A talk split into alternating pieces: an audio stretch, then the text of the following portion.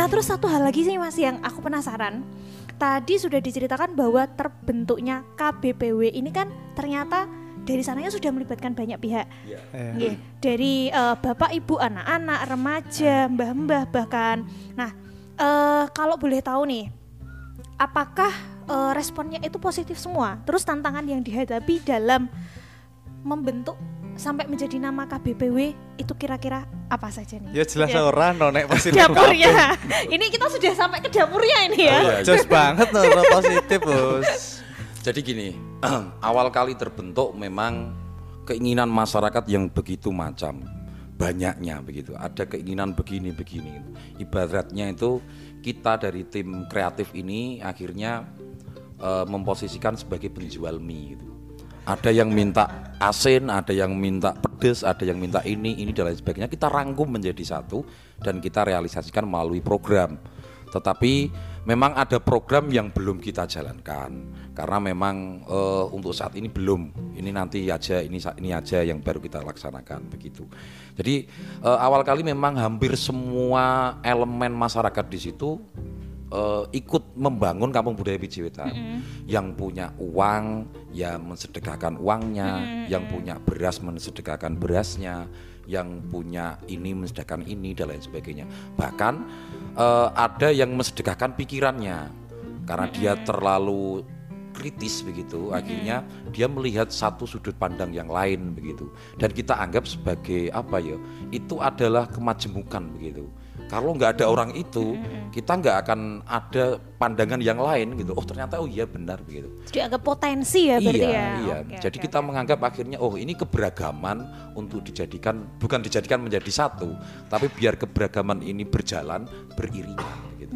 Ini sih yang kita hadapi di awal-awal itu Oke, jadi sesuatu yang berbeda itu nggak harus ibaratnya kita musuhi, nggak harus kita tolak, tapi dirangkul untuk mencapai tujuan bersama. betul betul Sampai sejauh ini KBPW itu kan sudah banyak sekali kegiatannya ya. Nah, tapi tentunya pasti dong ya ada target. Mengkoki eh, at the end Arab Lapoyor, at the end lah. Nah, at the end kan Wah. berarti ber ya Mas ya. Nanti jauh di depan sana. Cita-citanya. Cita-citanya itu seperti apa? Terus kalau boleh tahu sampai hari ini itu sudah berapa persen dari yang ditargetkan? waduh berapa persen ini Sulit bro. Eh, intinya gini aja. eh, setiap masing-masing obrolan dari teman-teman itu muncul banyak cita-cita dan keinginan yang dimasuk tadi, yang dimasuk tadi itu loh. Mm-mm. Kita ki heterogen banget, majemuk Mm-mm. gampangnya. Lah, cita-cita itu sebenarnya banyak. Nek kowe takon masalah cita-citanya apa dan sudah berapa persen, itu nanti kalau udah udah tercapai cita-cita itu, ya bar kamu budaya. Ya kan? Hmm, Ya bar iya, kamu budaya iya, bar. iya, Maksudnya eh, kita tidak mematok sedinamis itu, tapi intinya kita akan mem- me- menempatkan satu cita-cita bersama ini banyak gitu intinya. Apa pun itulah dan dan mulai kita kerjasama dengan apa misalnya misalnya funding atau NGO yang ada di sekitar Indonesia atau kita bi- bisa bikin apa badan usaha lini bisnis yang bisa lebih besar daripada sebelumnya atau kita bisa menciptakan ruang alternatif apresiasi komunitas yang lebih besar daripada sekarang atau kita bisa bikin museum atau kita bisa menyentuh masyarakat dengan cara apa sesuai dengan perkembangan zaman. Jenenge topo ngeli topo karo ngeli nah melu banyu tapi ra keli tergantung nanti zamannya seperti apa Iya. itu cita-citanya bisa berubah. Hari ini aku pengen cita-citanya itu pengen bisa beli iPhone. Besok itu kalau misalkan adalah ono teknologi apa nah kok teknologi kok cita-citanya tadi iku so Oke oke oke. tapi intinya Dinamis untuk ya? ya dinamis intinya sekarang apa yang bisa kita lakukan adalah ya ya ini. Ya itu yang saya bilang tadi makanya kita memilih kebudayaan. Hari ini kemarin sama besok. Ibaratnya nek misal ngomong melestarikan budaya ngomong-ngomong batik terus bariku wayang gitu terus TikTok sing arep bahas opo padahal Oh. TikToknya budaya bro Iya, budaya sing iki dino kita lakukan dan itu tidak ada yang membahas isine ku bariku digo guyonan terus Iya. bariku dieceni ditontoni didownloadi sing sing sugih wong kono-kono Oke. Mungkin Nah, itu yang yang saya bilang ternyata cita-cita itu sedinamis itu, Bro. iya iya iya. Nah, itu. Mungkin sebagian dari kita, bahkan mungkin aku sendiri kan kayak mindsetnya masih terkotak pada budaya itu adalah sesuatu yang old.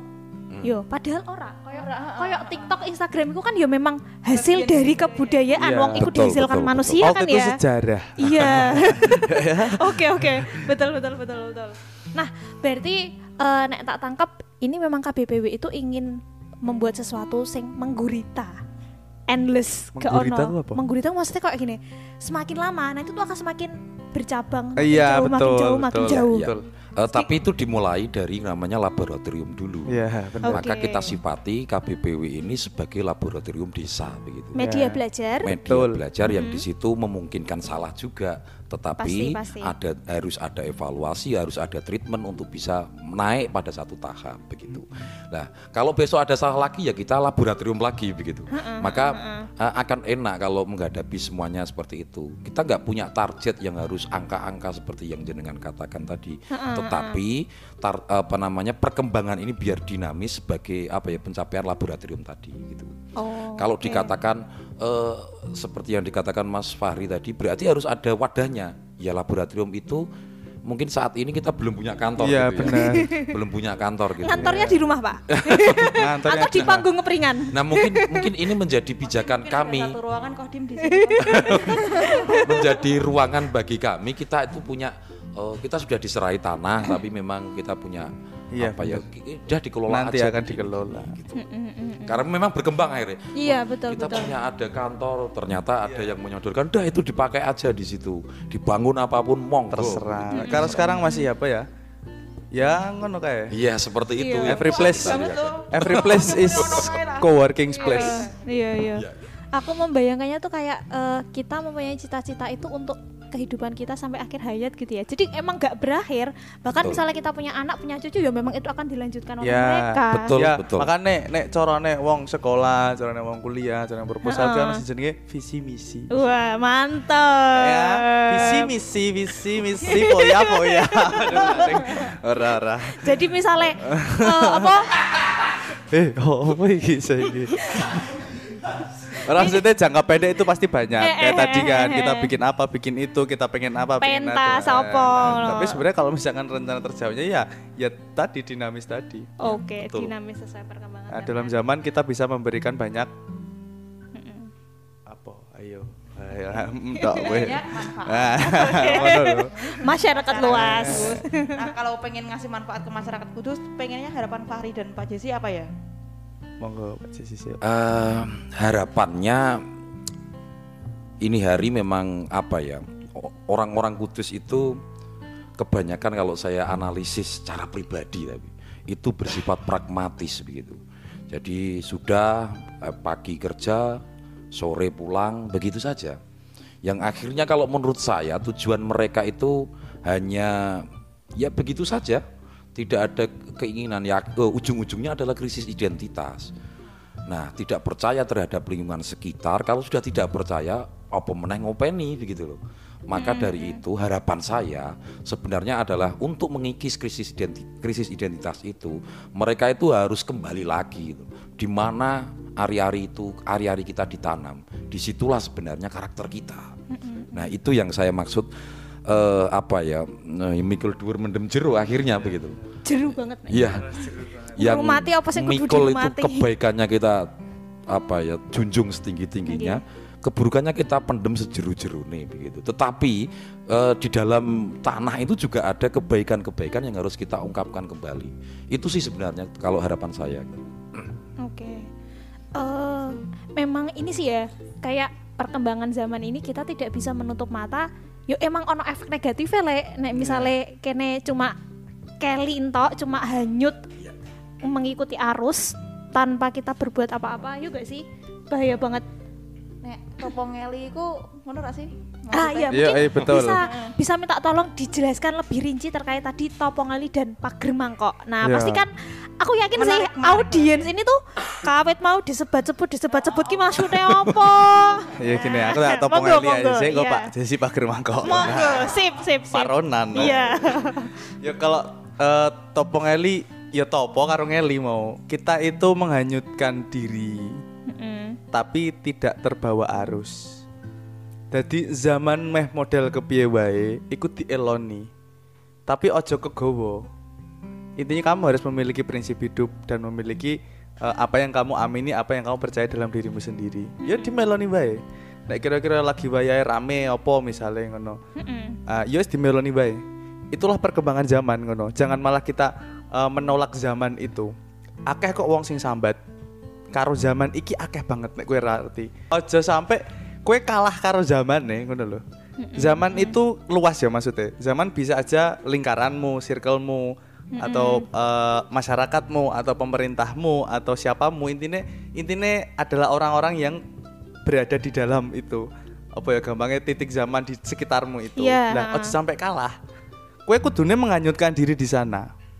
Nek menurutku. Jangan sampai cuma pasrah tok dengan Betul. keadaan ya Mas ya. Iya ora ora mung pasrah tok ya penting. Iya ora sambat ya penting. Terus ora mung maido tok ya penting padha. Ya. Kan sering ngono. Aku sering banget wah ning diwara artilah gampangnya. Akeh wong sing isine sambat maido tok tapi wis jariku Gak selesai. action. Nah, intinya kan sebagai menghanyutkan diri wae digelundungi wae. Oh ya wes rene ngono. Oh, oh iki pengen ngene. Oh nganu ngene dimeloni wae, tapi kamu harus punya prinsip dan silakan dibawa. Dan Oke. itulah kamu gunakan sebagai prinsip hidup. Itulah kenapa alasannya banyak orang-orang dulu sampai di sini itu karena itu. Kowe delok menara bentuknya kaya ngono, Mbah Sunan Muria rene dengan cara seperti itu, isi ono manakipan, isi ono sembarang, isi ono ingkung, isi ono nganu, menara Iya. gambare kaya ngono kuwi tengah isi ono sembarangane ya karena apa? Karena mereka topo ngeli. Oh ya wis iki nek kene rame Hindu, ya wis tak glundungi wae. Orang juk bareng ku diece, bareng ku di paido gampange ngono. Ki opo pemerintah kok ngene haram iki ora. Indonesia apa doa misalnya iki opo pemerintah kok ngene wah kadrun-kadrun iki apa ya aja. Glundungi wae, lebone sing apik sebelah ndi, baru ku digabungno dan kowe kudune iso ngomong nih masyarakat bahwasanya apa yang kamu bilang itu adalah benar. Nah, dengan cara apa? Ya dengan cara coba diobrolkan yang mau akeh. Apakah ini benar atau salah? Karena kadang aku sing salah, kadang kue sing salah, kadang sopo sing salah. Ya, iku topo ngeli, gelundungi ngono kuwi. Kalau istilah eh, pepatah mengatakan hanya ikan mati dan ee yang terbawa arus. Oke. Jadi kalau Ya, betul. kalau tidak mau menjadi ikan mati dan ee Ya berarti jangan terbawa arus. ya, jadi Ya, kita betul, harus betul. eh, itu bisa kita pakai ya, topongnya. Karo siji meneh, apotas. apotas. Oke. Mare mati wong akeh. apotek. Pak Jesi, Pak Jesi. Pak- pager mangkok, Itu tadi ya, iya. topong ini sudah dijelaskan oleh Mas Fahri. Monggo. Pak Jesi, pager mangkok. Oke, pager mangkok itu eh, jangan dimaknai secara bahasa ya. Jadi pager terus mangkok begitu. Pager adalah pager, Ya, pager mangkok adalah, mangkok. cara mengamankan mangkok adalah satu tempat untuk apa? Tempat untuk menaruh rezeki begitu ya. Kalau Iya. biasanya itu seperti itu gitu. Tapi kita memaknai lebih luas lagi dan memang sudah kita tasihkan juga. Eh, jadi pager mangkok itu sebenarnya adalah salah satu upaya bagaimana menjaga kerukunan antar warga begitu. Lewat apa? Ya lewat hadiah. Hadiahnya itu berupa apa? Apa yang kita punya aja. Kalau di situ hanya punya air, ya sudah air itu. Air putih deh. Dan itu ternyata sudah dibahas di Museum Belanda begitu bahwa di kawasan lereng Muria itu memang dulu ada yang namanya sedekah air gitu. Sedekah air, Pak. Makanya di Biji Wetan kalau jenengan ke sana itu ada yang namanya apa padesan-padesan itu. Itu adalah salah satu upaya untuk mengingatkan kembali bahwa kita punya leluhur yang mempunyai jiwa eh, pager mangkok yang luar biasa. gitu. Ngerti padasan ora? Ya. Iya. Padesan tahu ya? Padasan itu. Iya, ya, betul, betul, gentong betul. gentong air yang ukurannya besar. Iya, jadi bukan iya. untuk gentong yang minum itu ya. Iya, jadi kalau iya. padasan itu ukurannya lebih besar bisa untuk berbagai keperluan gitu ya, betul, Pak ya. betul, betul, Betul. betul. Nah di situ akhirnya ketika kita menggali lewat topongeli, eh, kit- maksudnya topongeli itu yang kita namai komunitas itu ya. Iya, heeh. Kita menemukan beberapa begitu. Oh ternyata implementasinya banyak sekali. Iya. Ada serbitan, ada manakib, ada albar janji dan lain sebagainya. Itu sebenarnya upaya untuk melestarikan pager mangkok tersebut. Ono bahasane nyetok, ono tuh mas nenggene mas. Nyetok botol. Nyetok. Iku nyetak, itu nyetak. Nyetak. nyetok itu gini. Hmm, nyetok rambut. Bancaan kalau di Bukan, tempat bukan, saya, bukan. Pak. bukan bacaan, Pak. bukan bukan bacaan tapi upaya untuk apa ya gini nyetok itu upaya untuk membantu seseorang ketika ada pernikahan tapi itu memang digajinya adalah makan itu nah itu bahasanya itu nyetok gitu Rewang. Ada Bukan rewang, tapi ada nyetok. ini sinoman. Mm-mm. Sep- Sinoman Mm-mm. kayak kados ngoten. Ya, Sinom- eh, jadi begini, kalau nyetok itu lebih kepada gini ya. Kalau ada orang punya hajat nyembelih wedus gitu atau kerbau gitu. Nah di situlah eh, rewang-rewang budek dan lain sebagainya akhirnya Sambatan. ah bisa dinamai sambatan tapi kalau bahasa kita itu nyetok itu tapi dikhususkan kepada yang namanya nyembelih kerbau atau wedus itu tadi Iya, betul. Oh, jadi kayak gotong royong membantu Nah. si tuan rumah yang punya hajat. betul betul Oke. betul betul nah di situ akhirnya kita mendapati kata-kata yang asli biji wetan itu Nyetok. Nyetok. nyetok itu. Nah akhirnya kita ketika kita beredel kembali loh dari situ ternyata dibawa ke mana pun bisa. Contoh mungkin ketika ada Idul Fitri itu itu nggak ada perempuan yang sama sekali itu ikut ikut dalam budek dan lain sebagainya itu semuanya laki-laki gitu loh. Heeh. Nah ternyata kita uruti ada kesejarahan yang seperti itu dari Mbak Sunan Muria untuk menghormati para wanita saat itu. Nah ini akhirnya ujung-ujungnya melebar, melebar, melebar dan melebar. begitu. Banyak sekali aspek yang bisa masuk ya, Pak ya. iya. Nah di pagar mangkok ini sebenarnya apa ya eh, kita mencoba untuk mengingatkan kembali bahwa tetangga itu yang paling penting sebenarnya. Kalau kita mati siapa yang bongkok? Betul, Kalau betul. tidak tetangga kita gitu loh. yang paling dekat itu Yang paling dekat. bahkan ada pepatah yang mengatakan bahwa tetangga itu adalah saudara yang paling dekat. Betul betul. betul. Walaupun mungkin tidak ada hubungan darah ya, Pak ya. Betul, betul, betul. Maka biar tetangganya rukun, guyup dan lain sebagainya, kita harus munculkan kebudayaan-kebudayaan itu. Karena sebenarnya kita itu bukan anak dari biologis orang tua kita, tapi kita itu secara sosial adalah anak dari lingkungan sekitar kita. Gitu. Setuju sekali, Pak. Tambahan Oke. lagi biar relate sama yang sekarang Zaman now, oke. paling enak adalah kena pengen mama-maman ora dicolong karo beken iku dipageri karo ngedum tonggomu Iya, berbagi ke tetangga Iya. misalnya. daripada mbok pageri dhuwur-dhuwur bukae beling bukae nganu CCTV? bukae CCTV bukae sembarang mending kowe ngedum tonggomu omahmu ki luwih aman Heeh, daripada iku mbok pageri dhuwur-dhuwur mbok temboki heeh. iku luwih aman karena tonggo-tonggo bakal jagani omahmu karena mereka mbok dumi terus kan Betul betul. Realitanya saya juga yakin sih eh, di desa-desa di Kudus dan juga mungkin daerah lain di Indonesia berbagi dengan tetangga gotong royong dan apa pun itu istilahnya ya itu kayak senjata utama dan yang membuat suatu lingkungan itu tetap hidup. iya Iya, Betul ya? betul, betul. Itu. Nah, mbahku pernah ngendikan gini, nang ber, ngandani nang pager mangkok iku luweh becek timbang pager tembok becik timbang pager tembok. Jadi Ya. pagar mangkok itu lebih baik daripada pagar tembok. Tembok. Nah, Quotes of the day. Oke. Ya, yang itu akhirnya diimplementasikan oleh gubernur kita. Jogo Tonggo itu tadi. Oh, Mantap Pak- sekali. Berguru ke selama ini ya. Bukan ke Muria. berguru ke Jalan Muria. Oke, eh Joko Tonggo ya maksudnya ya. Iya, iya, iya Iya, gitu. kamus ibu kota ya. Iya. Pak Jesse nomor satu. Oke. Nyetok. Nyetok. Gotong royong. Oke. Nah, sebelum kita tutup podcast episode Kampung Budaya Pijewetan, boleh Pak Jesse dan Mas Wari memberikan closing statement. Nah. Atau mungkin pesan-pesan. ya pesan-pesan ya. Yang pertama Iya. ada dua mungkin. Yang pertama saya berharap memang siapa pun nanti yang terlibat di organisasi ke desa atau kelurahan atau dusun, memang satu hal yang harus ditanamkan di dalam diri menurut saya eh, apa ya proses nihilisme. Nihilisme. Jadi buatlah diri kamu itu nihil begitu sehingga tidak punya eh, kalau menghadapi masyarakat tapi ya. Kalau menghadapi masyarakat memang sehingga tidak cepat ngamuan.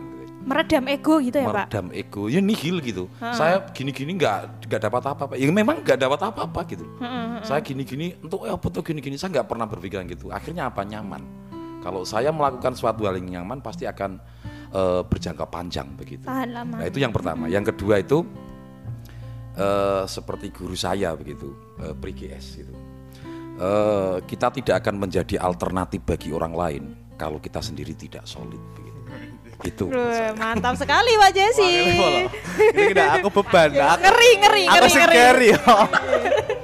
Eh Mas.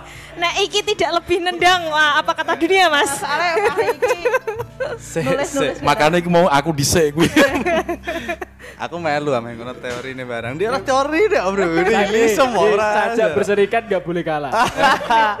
ya aku padha loro ah. Pertama nek mau nilis aku iki ae. Stoa. Slow Tak kira higienis. teras. kan enak ngono. Itu juga sama kan. Maksudnya tingkat kebahagiaan kita itu bukan dari dari luar tapi dari Iya. Jadi apa yang kita lakukan yo wis iku sing marai seneng, ora gara-gara wong liya. Jadi kami Hmm. diece, kami diapakno ya ora urusane. Karena aku pengen gawe kopi, kopine ireng, enak, pahit, ini bariku tak udek, bariku tak ombe wis bar seneng. Wong liya ngomong, "Ih, kok ora enak ngene?" Ya ora peduli, kan wis seneng gue, wis bar ngono. Sing kedua aku ini aja sih cuma mengamplifikasi apa yang sudah sering diobrolkan di dalam apa ya obrolan kebudayaan dari siapa ya? Kita ini salah Sohil Marfarid jadi it- itu eh, kenapa aku sering ngomong? Karena itu penting ngono. Maksudnya Oke. gini eh, masyarakat desa itu hari ini sudah saatnya jadi subjek sudah Betul. bukan lagi sebagai objek Harus sebagai pelaku ya. Ya, Heeh. jadi kan dhisik sing jenenge masyarakat desa iku dadi objek blok kok. Betul. Saka wong endi-endi. Diwei bantuan lah, opo dan Ya, sebagainya. Dan ning kampus, yo, kowe kakean ning desa, bayangke. Iku paling cetha iku, masyarakat sebagai objek wis paling cetha. Heeh. Ya, KKN ning desa, berarti Heeh. desa ku objek e. Betul, Kenapa betul. enggak coba ono apa kowe golek wong desa 10 gawe ning kampus? Kenapa rak ngono ngono? Kenapa kowe Heeh. kudu urip ning desa ngono? Atau konsepnya dibalik kita yang belajar dari mereka bukan kita yang memberikan sesuatu. Ya, tapi intinya intinya itu eh, masyarakat aja jadi objek tok. Iya. Masyarakat coba diberikan ruang untuk kue sing jadi subjek, Bro. Kue silakan bisa membangun kota. Hari ini perkembangan teknologi, adanya HP, teknologi apa internet dan sebagainya itu membuat budaya rural dan budaya urban itu sudah sudah rancu. Gampangnya Mm-mm, di betul. sing rural, di sing urban itu ngerti. Betul. Nah, karena itulah itu memungkinkan masyarakat desa yang zaman dulu itu dianggap sebagai sesuatu yang keterbelakangan, hari ini sudah mencapai titik di mana ki wis podo. Mumpung podo, kok aja dipikir jadi objek tok. Nah, iku wis wae jadi subjek, makanya iki, ini hari kamu tahu sendiri di, di dalam Indonesia dana desa sebegitu besarnya. Karena apa? Karena wayahe. Wayahe desa itu sebagai subjeknya. Kamu silakan membangun desamu sendiri, silakan membangun sekitarmu. Nah, itu yang pengen saya amplifikasi lagi, pengen saya banter kayak meneh neng wong-wong. Oke, keren sekali. Tepuk tangan dong. Asli ya, sebenarnya sejam dua jam ngobrol tentang kampung budaya Pijiwatan ini nggak akan cukup ya. Tapi apa boleh buat karena podcast ini memang terbatas oleh durasi waktu, jadi kita cuma bisa sampai saat ini. nah, untuk teman-teman kita sarankan monggo langsung main ke Kampung Budaya Pijewetan karena setiap minggunya ada kegiatan rutinan yaitu Minggu Sehat dan setiap Minggu Kliwon nanti ada kegiatan Guru Guyup Rukun. Nah, yang pengen tahu lebih lanjut bisa kepoin Instagramnya @kampung budaya Pijewetan. Nah, kalau mau tanya-tanya langsung bisa ke Minji admin Piji. Betul, Mas Anji. Mas Anji, admin Anji. Piji. Oke, gitu. Nah, sekian podcast Migunani episode Kampung Budaya Wijiwetan. Kita berharap banget teman-teman bisa dapat insight yang positif dari episode kita. Setiap episode kita lah semoga ya. Minimal teman-teman terhibur lah ya mendengar suara kita semua yang ada di sini. Oke. Nah, oke, eh, saya tutup. Terima kasih banyak sudah mendengarkan podcast Migunani. Saya Wawa. Dan saya Nuha. Saya Risa ini. Saya Jesse. Saya Oji. Terima kasih, sampai jumpa di episode selanjutnya. Wassalamualaikum warahmatullahi wabarakatuh. Waalaikumsalam warahmatullahi wabarakatuh.